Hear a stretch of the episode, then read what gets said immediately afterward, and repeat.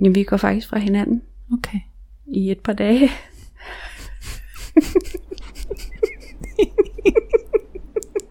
Det er så modent. ja, nemlig.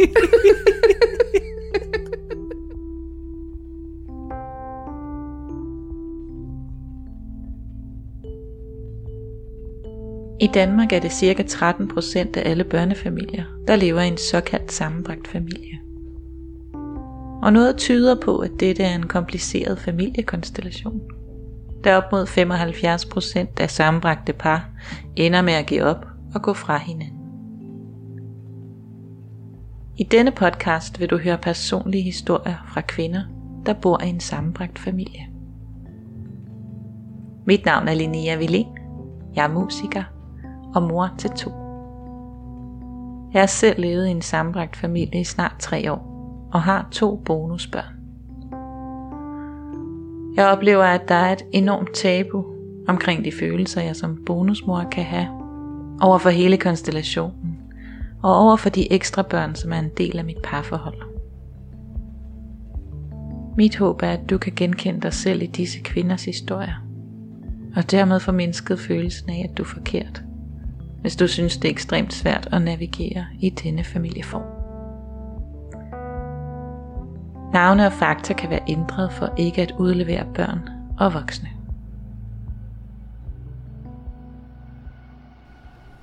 I dag skal du møde Emilie. Det er omkring 6 år siden, hun afsluttede sin oplevelse med at være i et parforhold, der også var en delefamilie. Emilie skrev til mig, at hun brændende ønsker sig et barn mere, men har svært ved at finde sig til rette med at skulle springe ud i at være en sammenbragt familie igen. Ja, faktisk fortæller hun mig, at hun er skræmt fra vid og sans, på baggrund af de svære ting, hun oplevede i det næsten fire år lange forhold, hun havde til en mand med en søn på 11 år. Da hun mødte ham, var hun helt nybagt mor med en lille dreng på 9 måneder. Men nu er han 11 år, og tankerne om, hvordan hun kan få familieforøgelse og kærlighed til at gå op i en højere enhed, fylder en del. Jeg glæder mig til, sammen med Emilie, at fortælle hendes historie. Og vi ender et lidt andet sted, end jeg først havde regnet med. Det er virkelig dejligt, du er her, Det er dejligt, at Tak. komme. fordi du gider bruge tid på det. Din dyrbare alene tid. Eller det ved jeg ikke, hvordan, hvordan du har det med det. Den er ikke, den er ikke så dyrbar mere. Okay. Du har vendet dig til Ja. det. Ja. Har du tænkt over sådan tre ord, der kan beskrive dig som person? Ja, jeg har tænkt meget over i forhold til, hvor det er, jeg er nu i mit liv. Og der er det nærværende. Det her med, at jeg rigtig meget nyder, hvor jeg er landet i livet lige nu. Og så er jeg enormt passioneret i alt, hvad jeg gør. Både om det er arbejde, familie, kærlighed, venner og øh, så bevægelse. Ikke sådan nødvendigvis rent fysisk, men at jeg hele tiden er i en eller anden form for bevægelse i mit, øh, i mit sind og i min selvudvikling. At jeg, øh, jeg kan næsten ikke være til stede uden min bevægelse. Det lyder ret fedt. Du har jo en lille familie i dag. Vil du ikke fortælle, øh, hvem din familie består af? Jo. Den består af min søn, som er knap 11 år nu, og så mig.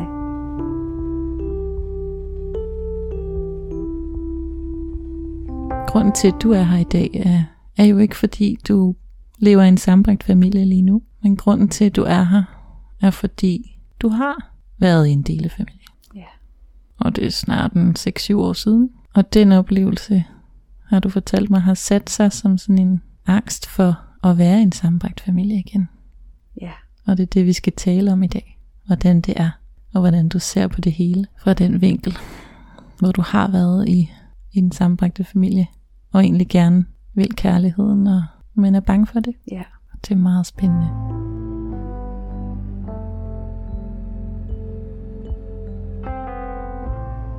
Jeg tænkte på, om du ville fortælle om den gang, du var i en sambragt familie.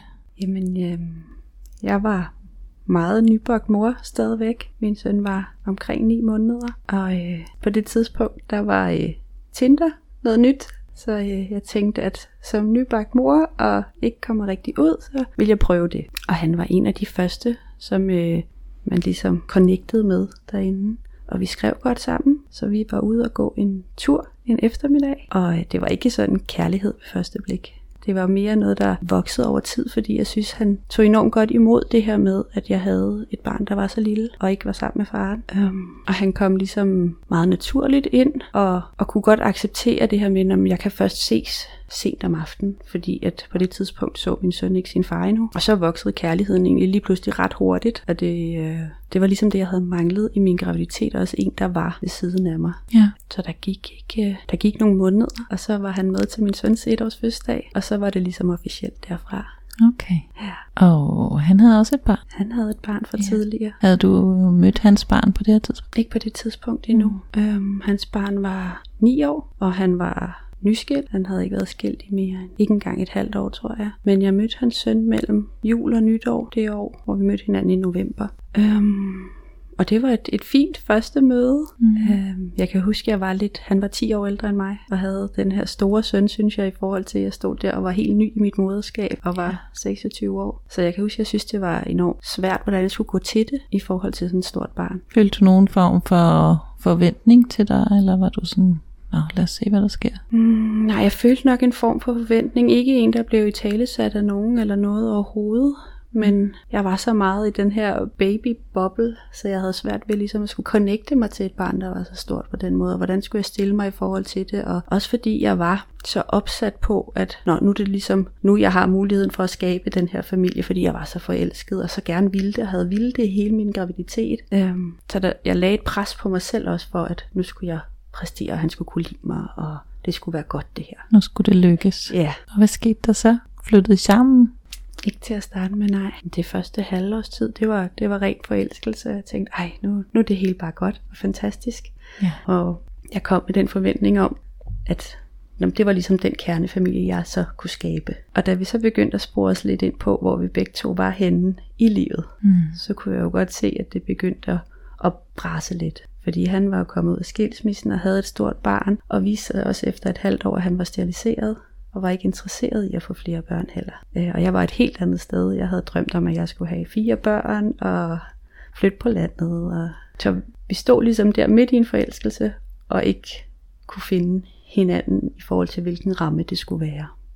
Ja. Så da du finder ud af det, hvad så? Hvad tænker du der? Jamen, vi går faktisk fra hinanden Okay. I et par dage.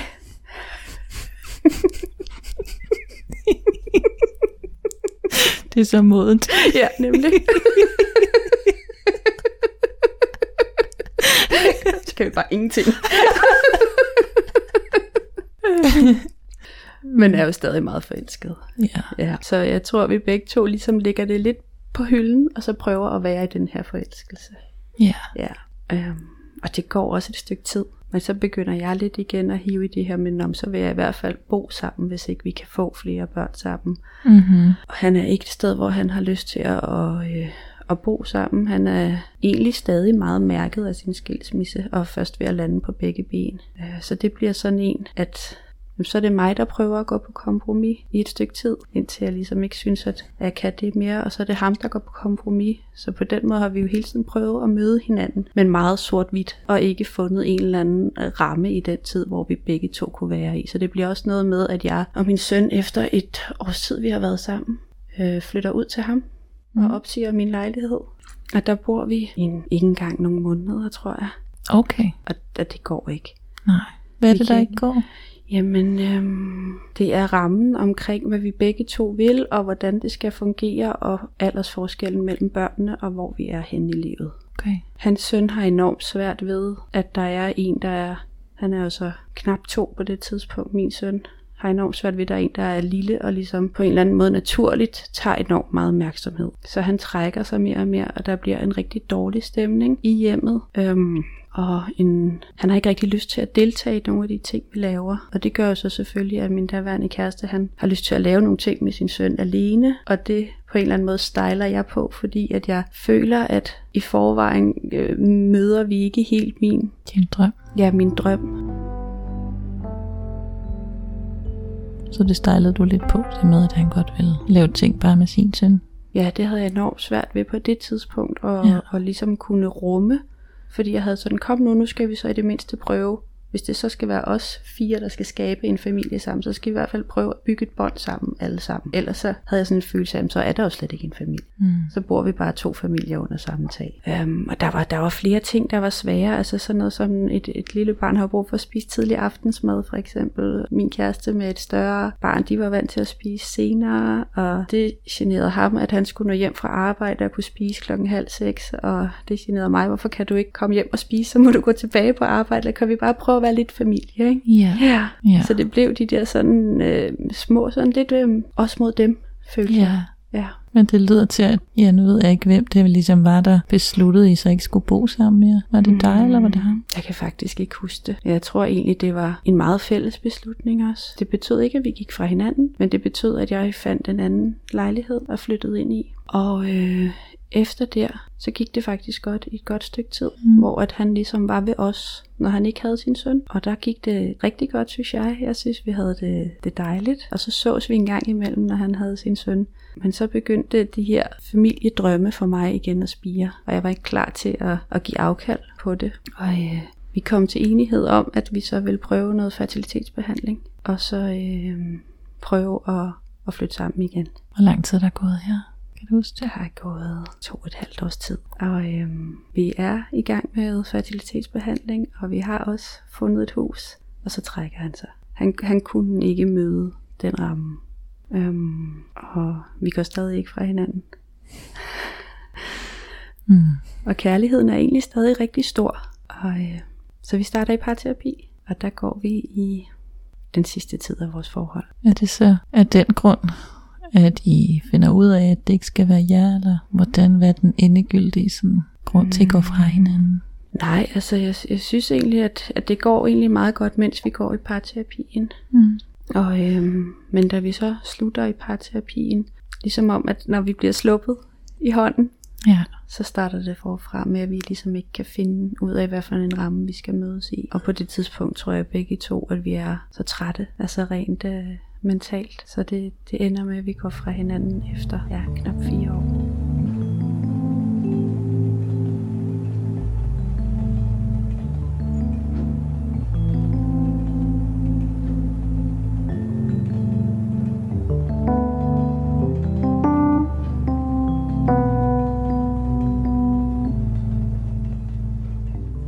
Føler du, at forholdet til hans dreng blev anderledes, da I, I havde boet sammen nogle måneder, og så flyttede fra hinanden igen? Der, hvor det gik bedre. Fik du så et anderledes forhold til hans dreng, eller blev det bare nemmere at ikke forholde sig til ham? Det blev mere nemmere ikke at forholde sig til. Ja. Det blev aldrig rigtig godt. Nej. Så vil du sige, at drømmen egentlig var en ny kernefamilie? Eller tror du, det var den forventning? Ja, det var den forventning, jeg gik ind i det med. Jeg havde ikke nogen anden øh, forbillede eller noget andet at spejle mig i. Det var ligesom kernefamilien, jeg forestillede mig. Så det var også hele tiden den her med, at jeg kunne ikke acceptere, at vi ikke kunne nå derhen.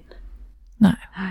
det ligger så dybt, Ja. den der forestilling og længsel, man kan have efter ens lille boble. Ja. Ja, det kender jeg godt. Ja. Og jeg har også opdaget, at det var, at det var det, jeg troede, jeg skulle få. ja. Og det er også derfor, det er godt, at vi har den her podcast, fordi så kan man høre lidt om, hvad er det egentlig, man går ind til, når man skal være i en sammenbragt familie. Hvad er det for noget? Ja. Fordi det er ikke en kernefamilie. Det er noget helt andet, Ja. som jeg ikke 100% har fundet ud af, hvad er endnu, men øh, jeg er på vej derhen. Men ja, jeg tror virkelig, det er den, det er den store synder i det her delefamiliespil. Det er forestillingen om en ny kernefamilie.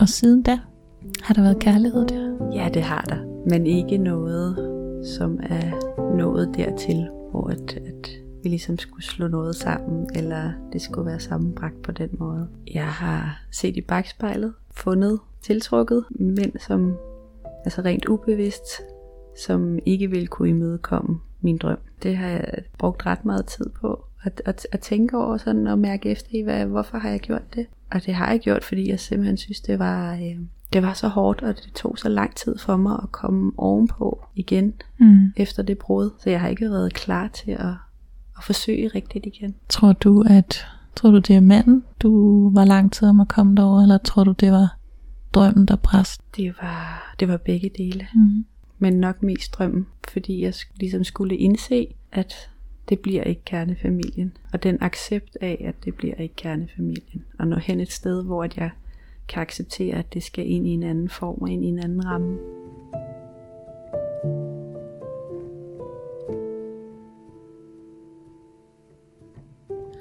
Jeg synes, det er så interessant, at vi næsten helt automatisk forventer at få en ny kernefamilie, når vi træder ind i delefamiliens skød. Så jeg blev nysgerrig på at finde ud af mere om dette.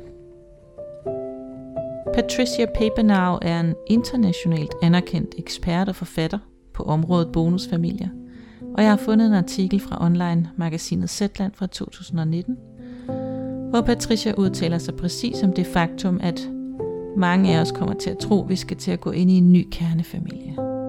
Hun siger, Selvom den sammenbrægte familie er en udbredt familieform, så oplever mange, at de træder ind i et vanskeligt, minefyldt landskab.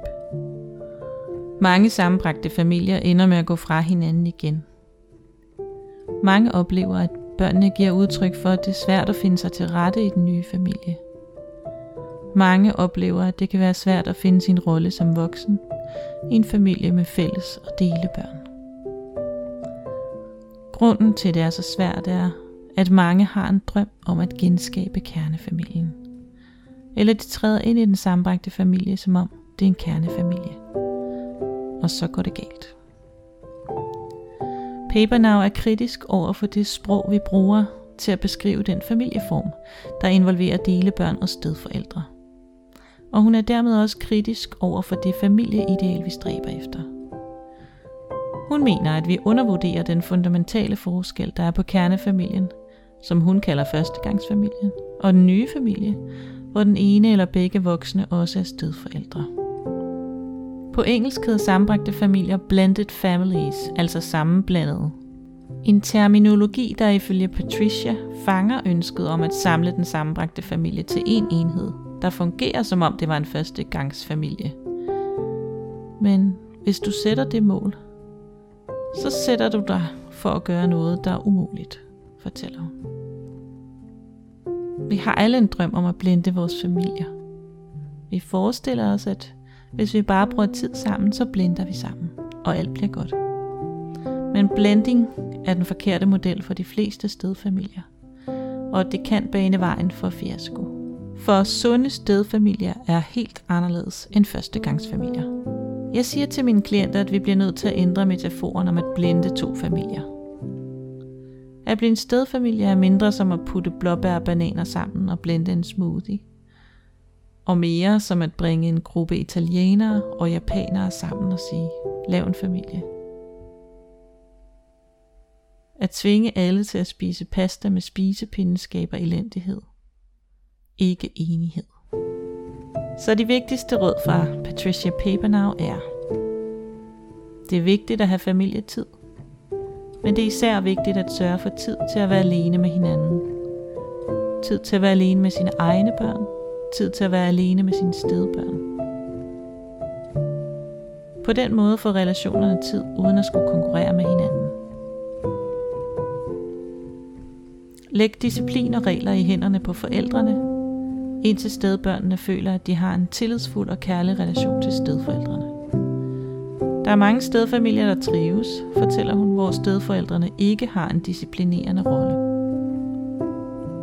Husk, at det er en proces at blive en sammenbragt familie. Det er ikke en begivenhed. Det tager bare virkelig lang tid.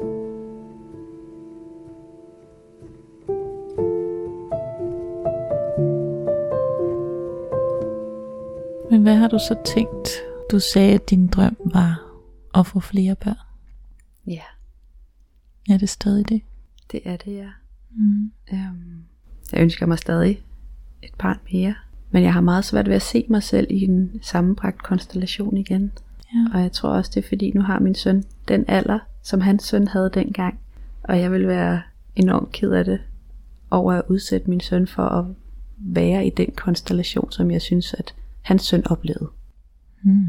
Så du kan faktisk måske se det nu fra hans perspektiv. Ja, Jeg kan meget bedre sætte mig ind i de tanker og følelser, han havde dengang. Og han havde jo også erfaring med at være i hans tidligere forhold, var også en sammenbragt familie. Nå, okay. Så det var hans nummer to sammenbragt familie. Ja, det Okay. var det. Og det vil sige også hans søns nummer to sammenbragte familie. Eller var hans søn fra det forhold? Hans søn var for det forhold, Okay. okay. men hans tidligere kone havde en fra tidligere. Okay, på den Ja. måde.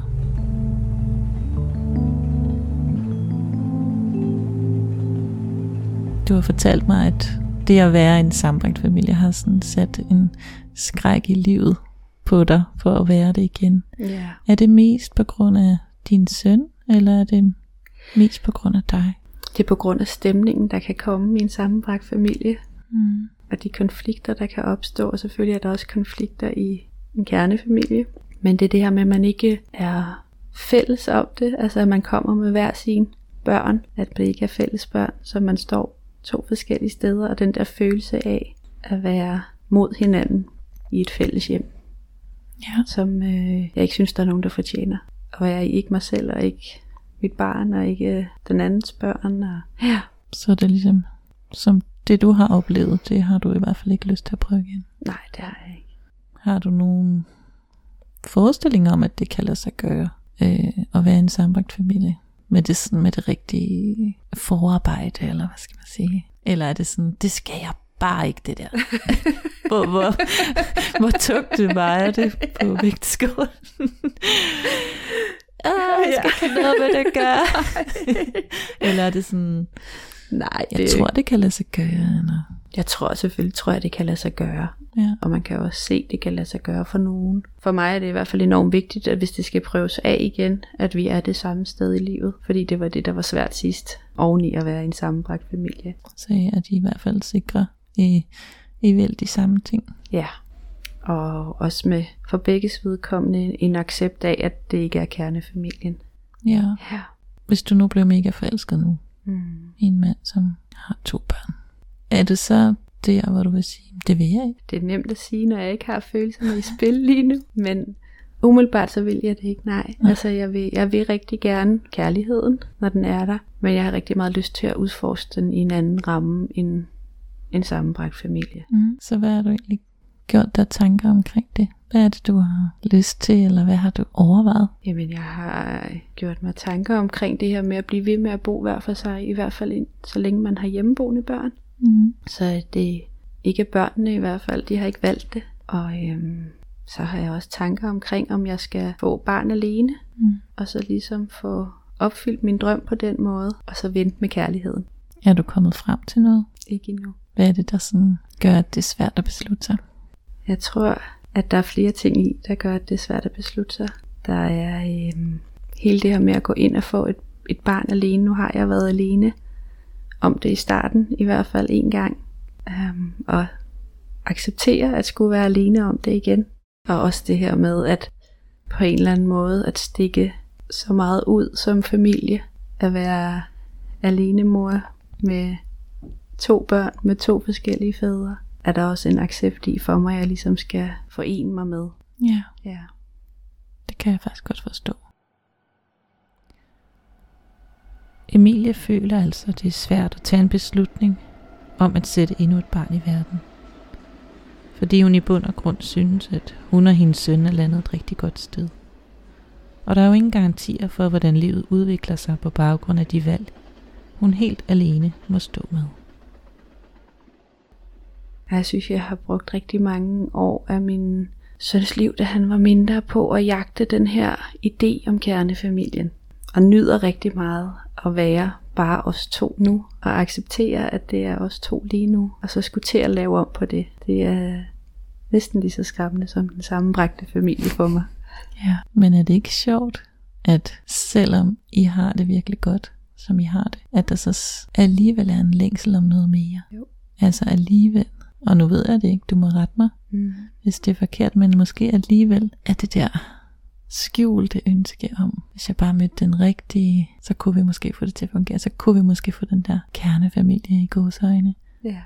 At det ligger så dybt i os, at, at det er svært at viske ud, fordi det er kulturelt og historisk Mm. båret, ikke? Det er jo sådan helt øh, urinstinktivt i os. Ja, og fordi jeg også øhm, egentlig har mødt en ikke så stor åbenhed nødvendigvis omkring det stadigvæk. Så det er jo også det her kulturelle omkring det. Fordi at jeg har haft en, en kæreste, hvor at vi ikke var nået derhen til, men hvor jeg ligesom har luftet tanken om, jamen hvis vi nu boede hver for sig, måske fik et barn sammen, men stadig boede hver for sig. Hvordan har du det med at lufte det her? Og det var for langt væk fra normen for ham. Mm. Altså, det, det kunne han ikke forene sig med. Nej. Havde vedkommende børn? Ja. Okay. Og havde han prøvet at være i en sammenbragt familie før? Nej.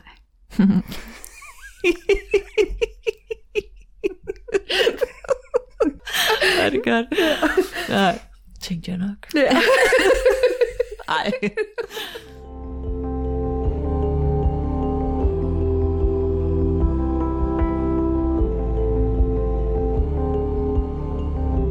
I vores samtale går det mere og mere op for mig, at jeg ikke synes, det lyder som om Emilia er styret af frygten for at være en sammenbragt familie. Men mere er et sted, hvor hun har besluttet, at det ikke er noget for hende. Så du er simpelthen der, hvor du siger, jeg vil det ikke. Jeg vil det ikke lige nu, i Nej. hvert fald. Fordi så er du ikke, det lyder ikke som om du er styret af frygt så.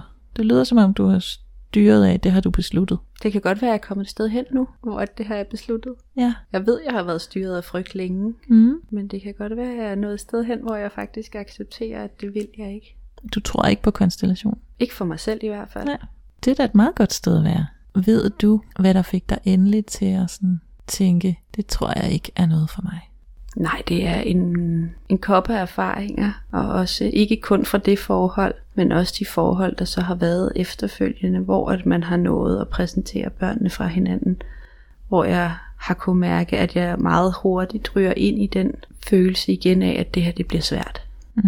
Og jeg bryder mig egentlig ikke om den udgave, jeg også... Det bliver af mig selv måske i den konstellation.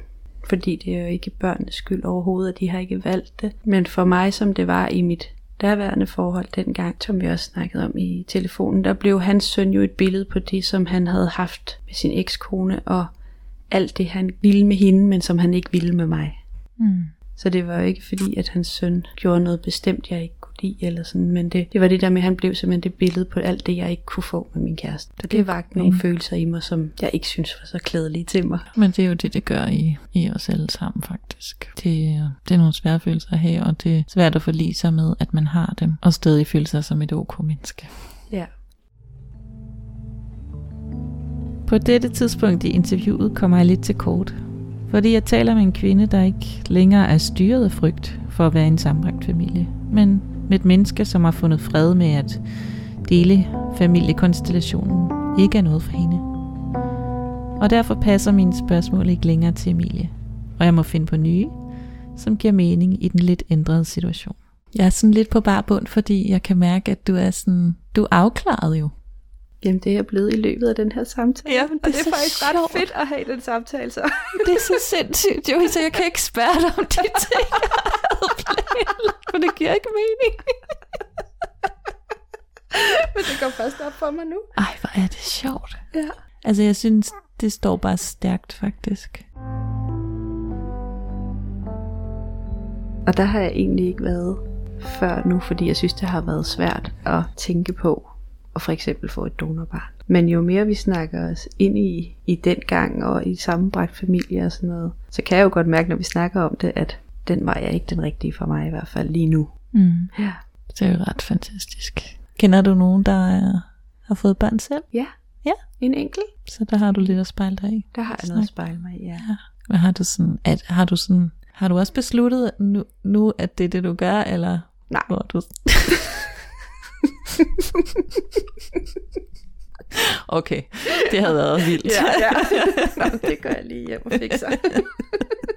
ja, et skridt ad gangen. Ja. Har du tænkt over, er der andre måder at gøre det på? Altså sådan i dit hoved. Hvad, hvad vil den sådan perfekte, altså i din situation, er det det med at møde en, du kan elske, få et barn med, men bo hver for sig? Enten den konstellation, eller også så at møde en, hvor at vi kan bo hver for sig, men ligesom bevare kærligheden, og så at jeg får et barn alene, og han kan være med det.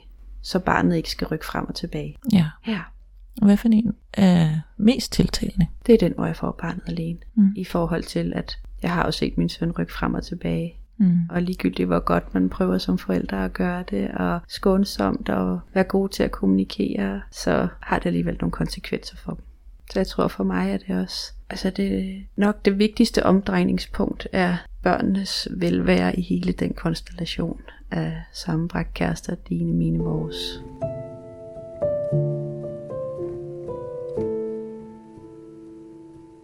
Hvis du skulle gå tilbage og stå ligesom ved begyndelsen, dengang du gik ind i et forhold med en, en mand, der havde et barn, var der noget, du ville have gjort anderledes? Hvis du ved det, du ved nu. Jeg ville have brugt mere tid sammen med ham på at finde et fælles værdisæt og finde en fælles ramme, vi begge to skulle være i. At vi ligesom havde en styring på det her, og ikke tro, at det løste sig af sig selv, fordi så var det, det blev det her med, at og så bliver det lige din måde i noget tid, og så går det ikke for den anden, og så bliver det din måde i noget tid, og så går det heller ikke. Så det her med, at vi havde ret usekset sat os ned og lavet en eller anden form for en køreplan. Har du stadig en sorg over, at det ikke lykkedes? Det havde jeg indtil vi mødtes igen og fik vendt det, efter vi havde fået det på afstand. Um, der, der ligger stadig altså hele konceptet omkring kernefamilie, og den drøm ikke er lykkes i. Den tror jeg altid vil være en eller anden form for sorg inden i mig. Men jeg er så kommet et sted hen, hvor jeg kan acceptere, at det er sådan, det er. Og ja. så kan sorgen få lov til at være der lige så stille, uden at den fylder.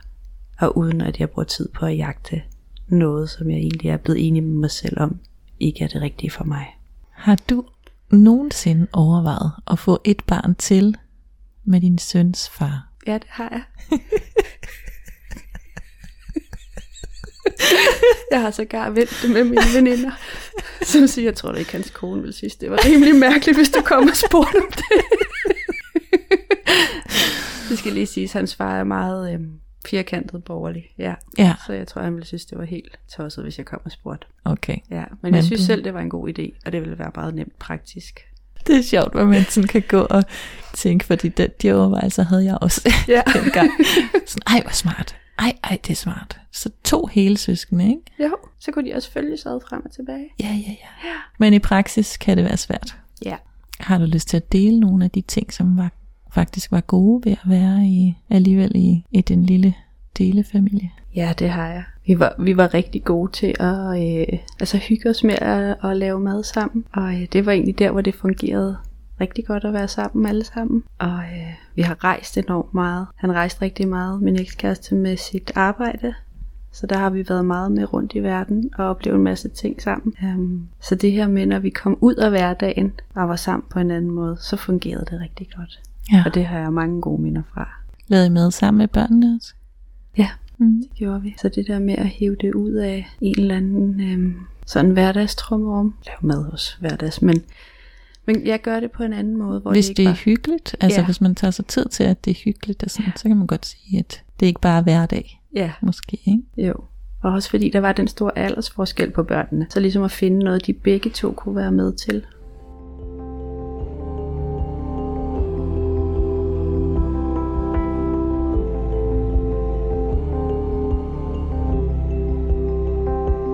Og så vil jeg bare spørge dig med, hvilken energi jeg efterlader dig her omkring det her emne. Jamen, du efterlader mig med en energi af at øh, føle mig mødt og set, og også øh, igennem vores samtale en ret stor afklarethed. Så det er rigtig dejligt, det er jeg meget glad for. Ja, det synes jeg også, jeg kunne mærke. Det er vildt.